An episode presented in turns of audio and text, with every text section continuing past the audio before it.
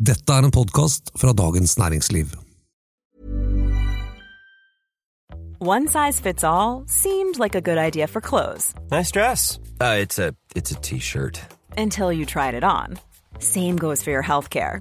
That's why United Healthcare offers a variety of flexible, budget friendly coverage for medical, vision, dental, and more. So, whether you're between jobs, coming off a parent's plan, or even missed open enrollment, you can find the plan that fits you best. Find out more about United Healthcare coverage at uh1.com. That's uh1.com.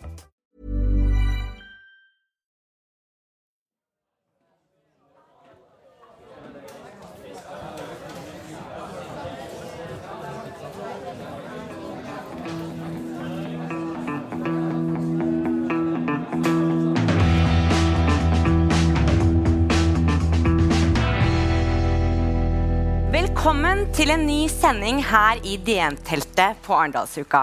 Og velkommen til dere som hører på pod og følger oss på dn.no. Jeg heter Jorunn Ortun og er journalist i Dagens Næringsliv. Og sammen med min gode kollega Anita Holmsnes skal vi lose dere gjennom denne sendingen. De to gjestene som kommer opp på scenen nå, de står i spagaten i det politiske landskapet.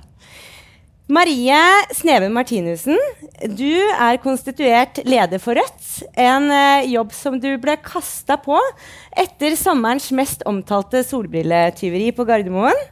Velkommen. Takk. Velkommen. Og så har vi eh, eiendomsinvestor eh, Christian Ringnes, eh, like kjent for sine silkehalstørklær som sin kritikk av formuesskatten. Velkommen til deg også.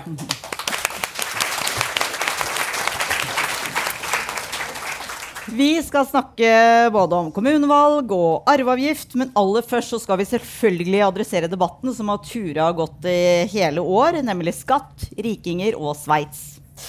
Vi begynner med deg, Marie. Altså, hva blir bedre med Norge om alle milliardærene forsvinner til Sveits? Ja, da hadde jo eh, statistisk sett ulikheten blitt mindre, da. Men det hadde den også gjort hvis man hadde sendt alle trygdemottakere ut av landet. Så jeg vet ikke helt om det er noe man vil argumentere for. Men nei, det er jo ikke noe mål at folk skal flytte til Sveits på noe som helst måte. Men Kristian, Christian, eh, trenger Norge folk som deg? Altså, Hvem skulle ellers uh, brukt penger på miniatyrflaskemuseer og vakre skulpturer av kvinner hvis, hadde, hvis du skulle flyttet? Ja, nei, det var kanskje ikke akkurat den beste begrunnelsen for uh, å la eierbeskatningen være fornuftig. Jeg tror det handler om å skape arbeidsplasser, dette her, eh, og å investere i fremtiden i Norge. Og for å få til det, så trenger vi flinke folk med kapitalressurser. Og det er ingen liten beslutning eh, å rykke seg opp med roten og flytte til et annet land. Altså, Jeg har ikke gjort det. Eh, jeg kan regne meg til at jeg burde gjøre det, men jeg gjør det jo absolutt ikke allikevel. Så det er et ganske sterkt signal, altså. Og sterkere signaler kommer fra Rødt. For dere har nå innført, eller planlegger, eller har i programmet deres, en dynastiskatt. Og der er det vel eh, Altså, det står jo navnet ditt på den, eh, Christian. Du kan jo si litt om hva du tenker rundt dette begrepet dynastiskatt. Altså, jeg mener jo at forskjellene i Norge nå har blitt så store at vi ligner mer på liksom, kostymedrama fra 1800-tallet, type Downton Abbey, Bridgerton, men uten de heftige sexscenene, for så vidt, eh, enn vi gjør det Norge som vi kjenner. Altså at forskjellene er så ekstremt store, og at det går i arv i generasjoner. Og jeg tenker jo at ethvert nyfødt barn er jo det største mirakelet verden har sett, men at forskjellen nå mellom barn som vokser opp i fattigdom, og barn som bare ved sin fødsel allerede har 20-30-40 milliarder å se fram til, den er altfor stor. Men det, eh, arveavgiften legger vi litt til side. For hvis alle nye penger skal komme fra rikingene, blir det ikke en mindre kake å dele av. Hvordan, hvis, disse, hvis deres eh, skatt, da, den dynastiskatten som dere nå foreslår, som er en sånn slags tretrinnsrakett, eh, forstår jeg, med både mer utbytteskatt, mer formuesskatt og arveavgift eh, er det ikke risikoen da for at Kristian Christian og andre tar med seg pengene og forsvinner? Ja, men Der må man både ta et valg. Enten så syns man så synd på de rike som ikke har råd til å bo i Norge, at man kutter skattene for å holde dem i landet. Eller så sier man at det er dem som har flytta, som har gjort det dårlige valget, og flytta fra en skatteregning. Fordi sånn som jeg ser det, så er jo grunnen til at folk flytter til Sveits, Det er fordi det lønner seg for dem, åpenbart. Men fordi politikerne har gjort det mulig. Politikerne har lagd hull i skattesystemet der du kan flytte ut av landet og da slippe å betale skatt. De hullene må vi tette, og jeg mener at det er jo det vi som politikere må gjøre. og det er jo egentlig ikke hver enkelt eh, milliardær sin skyld, men det er politikerne som har lagd et hull i systemet som rett og slett gjør det rett fram fornuftig å flytte, og egentlig ganske sånn dumt å ikke gjøre det. Dette må du svare på, Kristian. Ja, her var det mye å gripe fatt i. Jeg tror jeg skal begynne med denne ideen om at man skal bygge en mur som ligner på Berlinmuren for å holde innbyggerne fanget i landet. Jeg trodde vi var gått litt vekk fra den typen tankegang, men ok, jeg merker meg det. Eh, Så er det denne stadige diskusjonen om at Norge blir mer og mer ulikt. Altså Dette måles faktisk ved noe som heter Gini-koeffisienten. og Den er i løpet av de 15 siste årene gått fra 0,26 til 0,28 og er fremdeles verdens laveste. Så jeg bare ser rundt her, jeg. Altså, Dette er de nordmennene jeg alltid møter. Ja vel, jeg er på foredrag i dag og eh, har tatt på meg en pen jakke. Men når jeg går rundt i Arendal til daglig, så ser jeg akkurat ut som dere. Vi snakker om de samme tingene, vi gjør de samme tingene. Så jeg skjønner ikke helt hvor denne ulikheten er, bortsett fra i enkelte miljøer som har kommet nylig til Norge, og enkelte andre som sliter med rus. Og det må vi håndtere. Men jo, vi må jo ha penger til å håndtere det. Og nå har vi mye oljepenger i Nordsjøen, så det spiller jo ikke så mye rolle på kort sikt. Men den eneste måten at alle skal bli rike, det er at vi skaper verdier her i landet.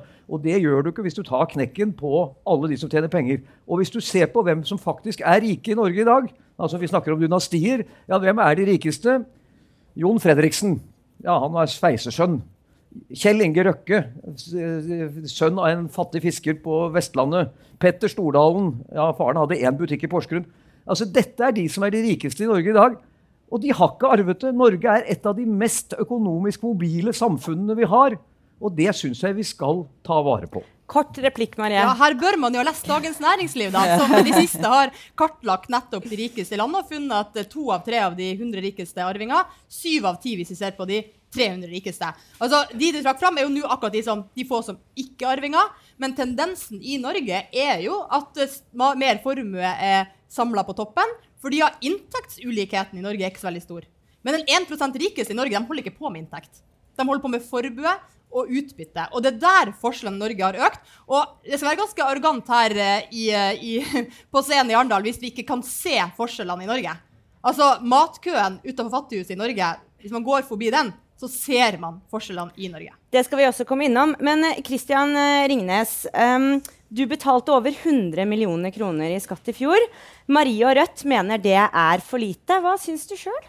For meg så er det i og for seg greit, så lenge jeg tjener penger. Eh, da kan jeg godt dele av det jeg tjener. Og i fjor var et godt år for meg. Så det er helt fint. Problemet er jo at de skattene som man nå har, formuesskatt osv., de må man jo betale selv når det går dårlig, som du tilfeldigvis gjør i år. For nå har renten steget, og kontantstrømmene blir mindre.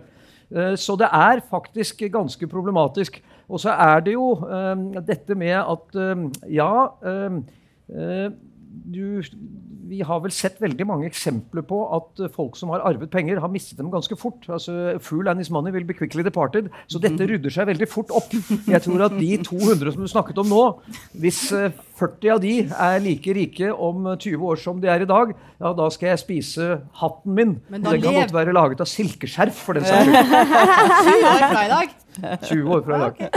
Men går det en grense for hvor mye skatt du er villig til å betale, Christian, før du bare pakker snippen av jo og ta til snippen og faktiske, jeg kan jo ta min faktiske situasjon. da. Eh, Eiendomsspar, som er det store firmaet mitt, eh, det betaler nå, må betale ut halvparten av det det tjener for at aksjonærene skal ha råd til å betale formuesskatten og eh, utbytteskatten på det som firmaet må dele ut for at de skal ha råd til å betale formuesskatten. Det er halvparten. Vi pleide å dele ut 25% Det var passe. Da var det litt til avkastning til aksjonærene, og så var det 75 av overskuddet å reinvestere i bedriften. Nå må vi betale ut 50% som er for mye, og det er ikke noe avkastning til aksjonærene annet enn å betale skatt. Det er klart det der, der er problematisk. Og sånn, det er ikke bare hos meg. Dette gjelder alle bedrifter i Norge. De betaler Næringseiendom er en stor del av balansen til alle bedrifter, og det er der skatteskjerpelsen har vært størst. Og de betaler alle sammen den typen skatt som jeg nettopp fortalte om. Og hva betyr det? Jo, det betyr at jeg som eiendomsmann jeg vil plutselig se at alle leietakerne mine forsvinner. For enten går de konk, eller så har de ikke råd til å være her. Og selvfølgelig så er det ikke svart-hvitt. Mange kommer til å bli, noen kommer til å tjene mye mer penger. Absolutt. Men det utarmer det vi skal leve av i fremtiden, hvis vi ikke skal leve av olje bestandig. Og det er det vel ingen som tror er noe lurt. Men jeg lurer på en annen ting også. fordi Vi prater jo mye om skatteinntekter, og dere på Rødt selvfølgelig at dere vil ha inn mer av det. Men hva med den andre siden av ligningen? Vi har eh, en ganske romslig offentlig sektor. Snakkes det noen gang i Rødt om å kutte i offentlig sektor? Altså romslig og offentlig sektor. Altså, jeg vet ikke helt om noen av dere har vært i en barnehage eller på et sykehjem i det siste og sett hvordan tilstandene er der. Jeg vil jo påstå at uh, når, uh, når, folk er syke i barnehagen til min unge, så har de ofte ikke vikar. Uh, når, når, folk skal ha bestemora si eller for så vidt mora si på et sykehjem, så ser man at de ansatte de springer, og de får ikke gjort jobben sin ordentlig. Så jeg er ikke enig med at vi bruker for mye penger på offentlig sektor. Åpenbart kan vi bruke det bedre. Bruke det på flere faste ansatte i stedet for vikarer. Det er veldig mange ting som kan bli mye mye bedre i offentlig sektor. Men hvis vi skal ha et samfunn der vi sier at alle skal ha rett på den samme velferden og omsorgen uansett hvem de er, uansett hvem familien deres er, så må vi faktisk ha en god nok offentlig velferd. Hvis ikke så vokser det jo fram private alternativer, som man ser i land som ja, har mye større forskjeller enn Norge. At du må kjøpe deg til en verdig eldreomsorg, f.eks. Så der, eh, der, er jeg ikke helt enig i at offentlig sektor har for mye penger. Høres ikke ut som du er helt enig i den diagnosen. Nei, og det er jo ikke så rart at vi ikke er helt enig i alt, for det er jo spagaten, som du sier. Men eh, jeg vil bare være enig i én ting, og det er matkøene og de som virkelig har det dårlig. Jeg gikk ut i VG og foreslo at uh, vi skulle gi 4000 kroner per måned til alle de 200 000 fattigste i Norge. Og så skulle vi gi 2000 kroner per måned som en slags borgerlønn til de neste 200 000. Det ville kostet 14,4 milliarder, som tilfeldigvis sammenfalt med det man økte formuesskatten med i akkurat det året. 14,4 milliarder. Men det var det ikke inndekning for på budsjettene, og man var redd for at det ville drive inflasjonen. Og derfor, og det er jo Arbeiderpartiet som skal ha skylden for dette, så ville man ikke gjøre noe sånt i det hele tatt. Og så tenker jeg, Hvis man først skal skattlegge, så må man da iallfall klare denne fordelingen som man snakker om. Altså, da må du jo gi til de fattige. Du må ikke bare pøse det inn i oljefondet. Det er fint å ha et stort oljefond, men det er jo en grense hvor, hvor rik staten prøver, behøver å bli. 1000 milliarder kroner tjener den norske stat på statsbudsjettet over det de bruker. Det er En tredjedel av totalen er rent overskudd pga. høye priser på energi, mm. primært. Men Marie, dette må jo altså mer hjelp til de fattige. Hallo, her, nå begynner vi ja, å snakke sammen. Vi. Her er vi jo helt enige, og er det et parti som har foreslått det konkret på Stortinget, så er det jo Rødt. Litt mindre raust enn Kristian Ringenstad, for han foreslår jo alt det her på ett år, mens vi sier at det må kanskje ta noen år for å komme opp til det som er fattigdomsgrensa i Norge. For ditt forslag vil jo faktisk gjøre at uh, dem som uh, er under fattigdomsgrensa, kommer i hvert fall til fattigdomsgrensa. Og jeg mener at det er et slags anstendig minimum man skulle eh, kunne sikre.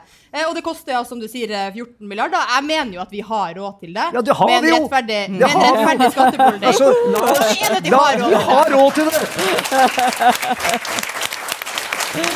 Rørende enighet. Ja, rørende vi må gå videre. Ja, eh, vi må få opp temperaturen her. Dere er for gode venner. Eh, skattedebatten har jo vært eh, preget av tidvis røff ordbruk. Eh, hvor landets bemidlede har blitt kalt adel og baron og riking og sånne ting. Og du Marie, du skygger jo ikke akkurat banen for den slags type ordbruk. Hvorfor kaller du folk som driver i fiskerinæringen for laksebaroner, eller folk som eh, gjør tjeneste for det offentlige for eh, velferdsprofitører? Fordi det er det de er. Og jeg syns ikke politikken blir noe bedre at man skal gå rundt grøten og ikke kunne snakke rett fram. Og når det gjelder de ordene, jeg syns faktisk det er litt fascinerende. For jeg måtte sjekke litt hva ord de som snakker positivt da, om de samme menneskene, hvordan ord bruker de? F.eks. Finansavisen, f.eks. det noen gang. Eh, ja, det skingrer litt i glasset. Sånne, eh, sånne um, ord som konge, hotellkonge, liksom. Eh, man snakker om råtass. Han var en råtass i investeringsporteføljen. Yeah, liksom. Og så snakker man eh, ikke minst om eh, Store Ulv. Det er han Jon Fredriksen. Sant? Han er Store Ulv. Så det er sånn kalle navn på folk bruker man jo. Eh, og så er det sånn at Noen liker bedre å bli kalt Jeg skulle gjerne bli, bli kalt for liksom søte, smarte Marie. Men så kanskje noen velger å kalle meg for liksom spydige, sinte Marie. Greit, det, liksom. Mennesker med makt må tåle at man snakker om dem. Og de ordene de får ta til seg det de liker, og så får de ha sine egne medier som eh, gir dem de ordene de sjøl Men poenget er jo Ja, applaus. Det er veldig bra. det er veldig sånn bra. Da, det er sånn, de har jo lyst til å være råtass. Altså, råtass skal vi bruke mer. Det er notert. det, Det er notert, Det fikk jeg lyst til. ja. men, eh, men poenget er jo også at eh, mange av disse familiene har jo tatt en stor risiko og bygget virksomheter som har skapt mange tusen arbeidsplasser eh, enkelte steder. Blir det ikke da liksom flåsete å bruke sånne ord? Har de egentlig det? Det er vel der vi kanskje er litt sånn uenige. Jeg mener jo at det å jobbe, eksempel, gå på jobb hver dag i en bransje som er utsatt, eh, konjunkturutsatt, eksempel, det er kjempestor risiko. Hvem er det som mister jobb og inntekt når byggenæringa f.eks. nå kanskje får en veldig hard nedkjøling pga. renta? Det er jo dem som går på jobb hver dag som bygningsarbeidere. De tar jo egentlig en kjempestor risiko. Og så er det forskjell, så klart. Det er forskjell på liksom startup-selskaper, eh, folk som finner på nye ting, og folk som har arva pengene. Hvor mye risiko har de tatt? De har blitt født, det er en risikofylt ting å gjøre, det vet vi alle. Men så har de forvalta de pengene, og f.eks. det å ha penger i eiendom. Altså, Hvis ikke Kristian Ringnes hadde hatt penger i eiendom, så hadde noen andre hatt penger i eiendom. Eiendommen hadde stått der. Folk hadde leid de lokalene. Har ikke skjedd så mye forskjell. Og så vet mener okay. jeg faktisk at det er litt sånn klasseskiller mellom milliardærene òg. La oss si dagligvarebransjen. Du har jo de her eh, dynastiene Hvor som er baronene ja, der du har baroner og dynastier. Og så har du jo Oda, eh, oppstartsselskapet, som prøver å komme inn der. Det er jo ganske urettferdig for han, eh, Carl, at noen andre, bare være født, skal på en måte eie masse flere butikker enn han liksom noen gang kan se for seg. Eh, som jo har starta opp med to taumenner og en god idé. Men nå tenker jeg at dette, ja, må, dette må du få lov til å eh, Berundingsverdig rolig, vil jeg si. Ja. Kom igjen. Nei, Hva altså, syns du jeg sto egentlig bare og tenkte på, siden dette ble navnet ble så viktig, jeg sto og lurte på hva jeg helst hadde lyst til Ja. å bli kalt. Og jeg syns jo egentlig at konge er et jævlig godt navn, altså.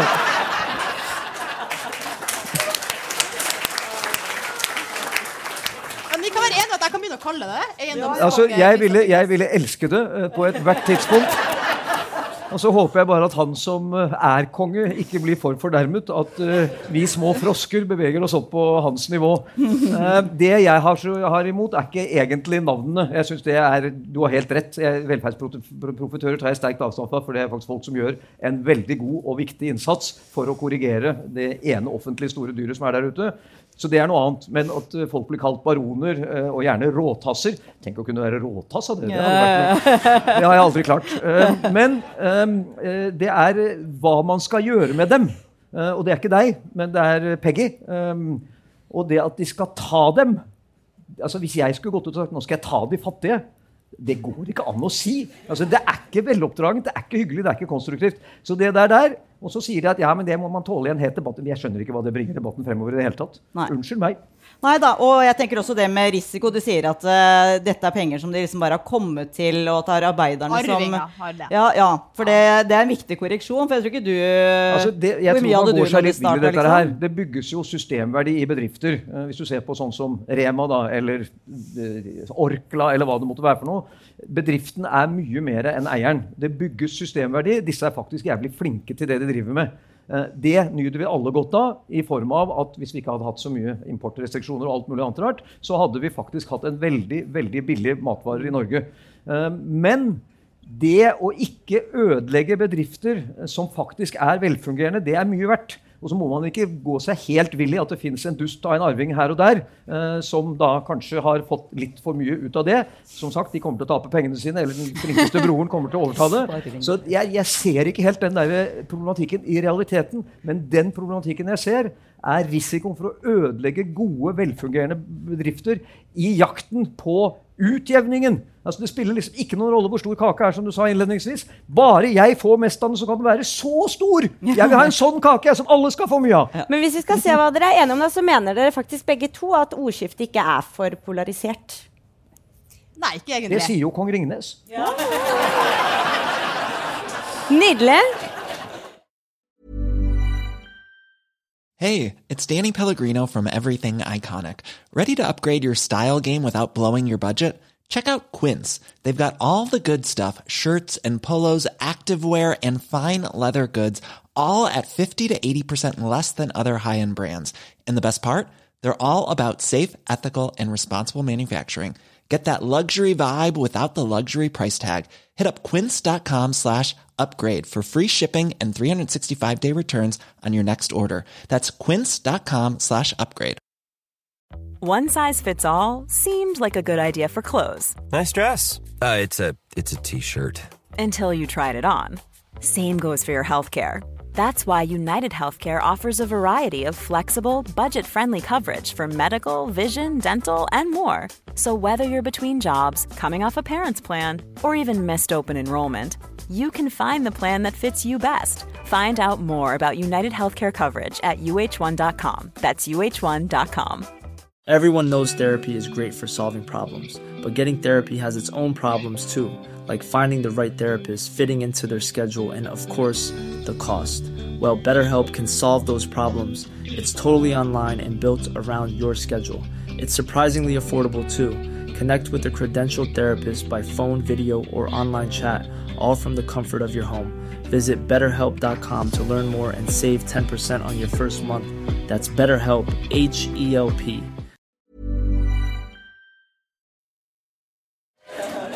Eh, men eh, vi er ikke ferdige å snakke om skatt, eierskap og penger. Eh, for DN har kartlagt eh, norgeshistoriens største formuesoverføring.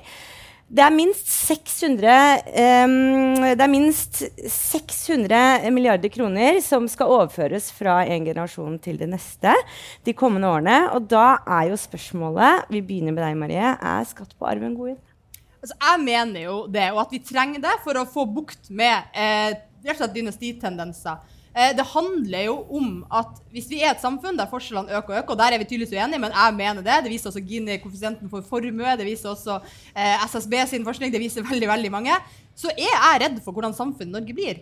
Altså, jeg er redd for at det blir eh, for store mot, motstand mellom folk, og at folk eh, mister liksom trua på at vi som samfunn kan klare vanskelige ting framover. Vi har vanskelige ting foran oss. Eh, klimaendringer og klimatiltak som må gjøres, f.eks.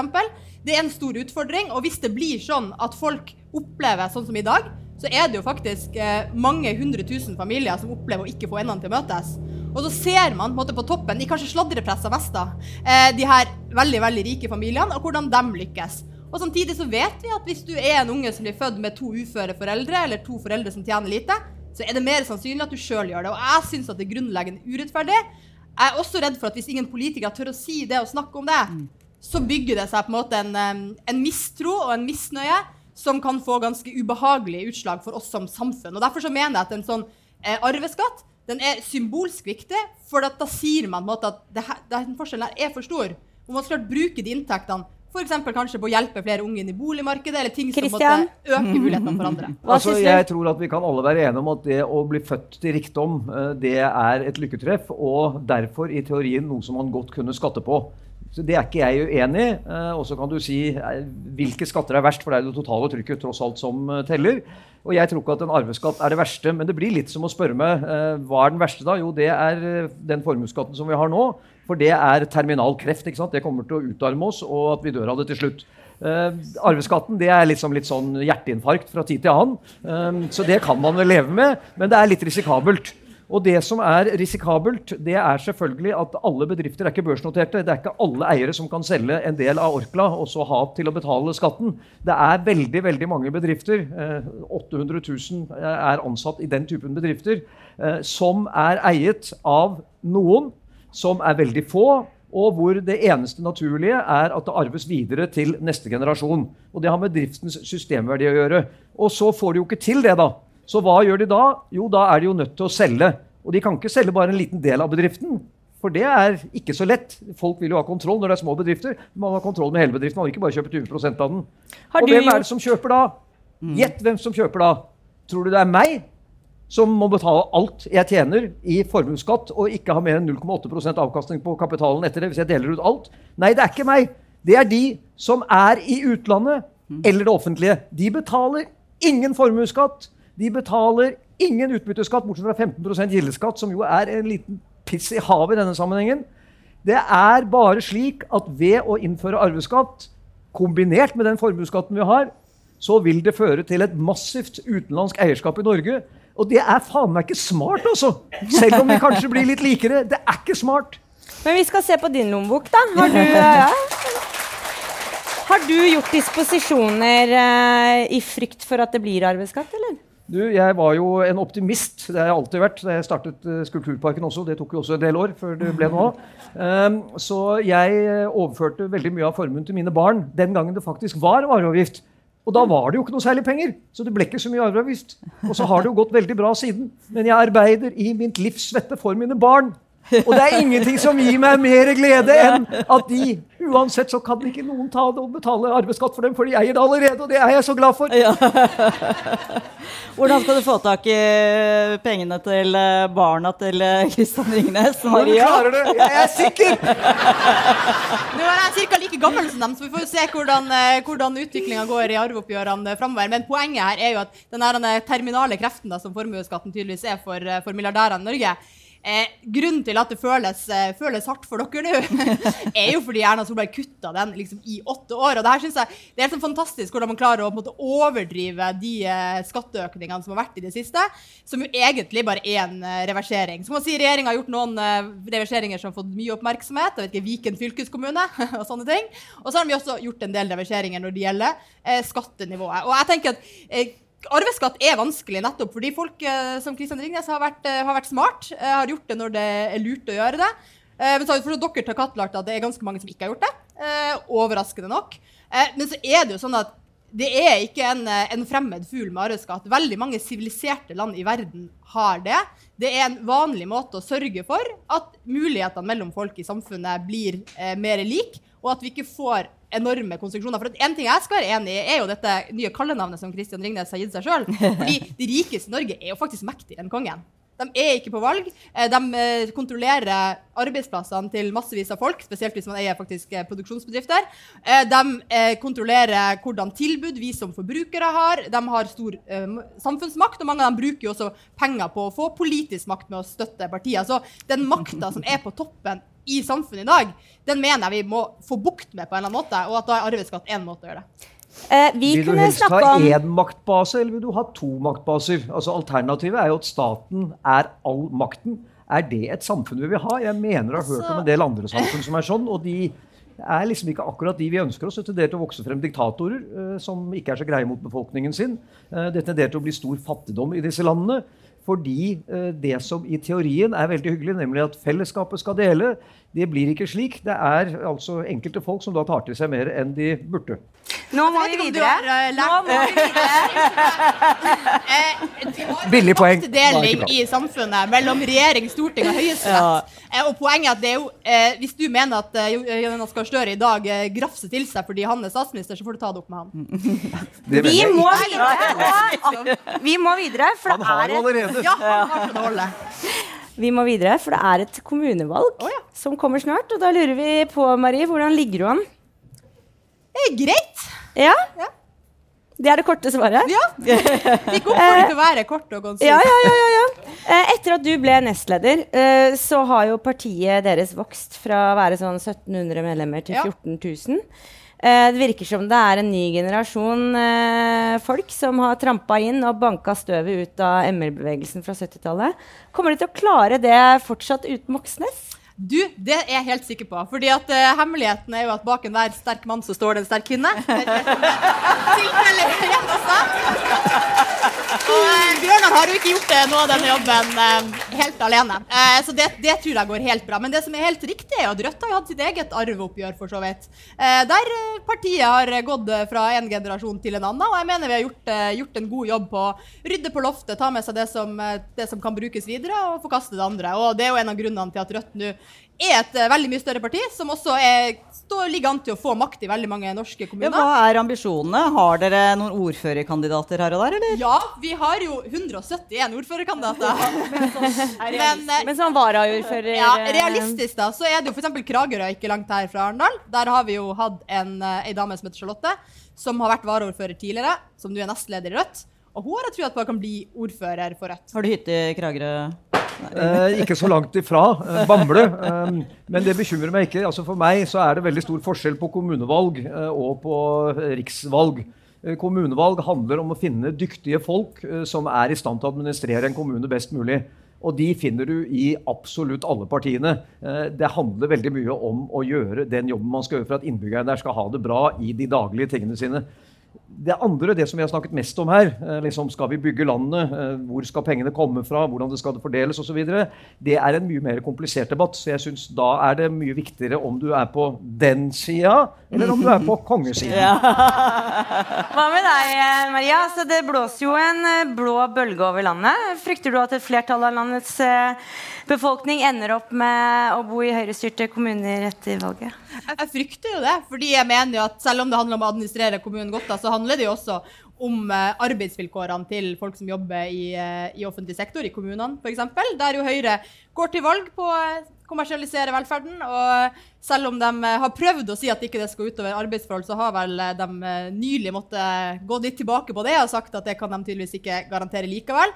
Og for meg så er det jo viktig at de som jobber i velferden vår, får ei ordentlig lønn for den veldig viktige jobben de gjør, og ikke minst de viktige verdiene de skapes. Fordi det er litt rart i norsk politikk at de snakker bare om verdiskaping når det er snakk om milliardærer som har mye penger, mens alle de folkene som skaper verdier hver eneste dag når de går på jobb, de driver liksom bare og jobber eller whatever. Altså, de driver med verdiskaping. Du er, vil, liker jo denne blå vinden som blåser over landet. Han har betalt for den, Ja, han har jo rett og slett eh, høyres Problemet er at i motsetning til LO, som betaler for vinden den andre veien, så får ikke jeg noe, så får ikke jeg noe eh, formannskap i valgkomiteen noen steder som helst. Du har jo rett eller spytta inn 1 million kroner på den borgerlige siden til denne valgkampen. Hva? 1,1 1,1 millioner kroner. Og det er bare fordi jeg har lest programmene til alle partiene og ser at sånn som jeg ser verden som en praktiker ute i det daglige dag til dag, så er det ikke tvil for meg at det vi må prøve å gjøre, er å vokse kaken størst mulig.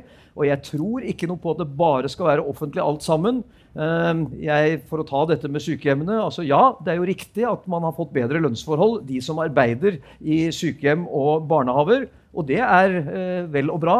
Men trivselen går ned, eh, pasientgleden går ned, og de ansatte er heller ikke like fornøyd. Så til tross for at de får mer lønn ja, Det kan du være uenig i, men dette, er jo, dette, dette måler man jo faktisk. Eh, så det er, det er et underlig paradoks, dette her. Så jeg vil si at jeg er glad for at den blå vinden blåser. For jammen er det eh, på tide at vi setter verdiskapningen i fokus, og ikke bare fordelingen. Det var alt du rakk. Rett og slett. Dette var en utrolig interessant samtale som viser selvfølgelig de enorme forskjellene mellom dere to. Men vi er veldig glad at vi fant ja. noen, eh, liksom, noe dere kunne være enige om. Likheter, det er gøy. Kristian Ringnes har for arveskatt, f.eks. Og vil gi til de fattige. ja, takk, takk.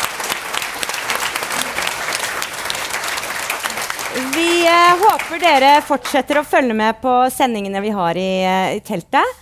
Eh, I morgen så skal Anita og jeg ha finansminister Trygve Slagsvold Vedum og hotellkonge. Etter Stordalen.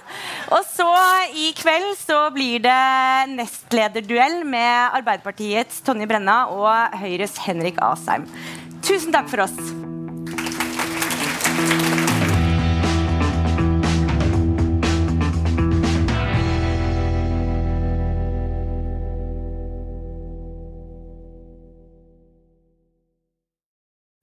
Du har nå hørt en podkast fra Dagens Næringsliv.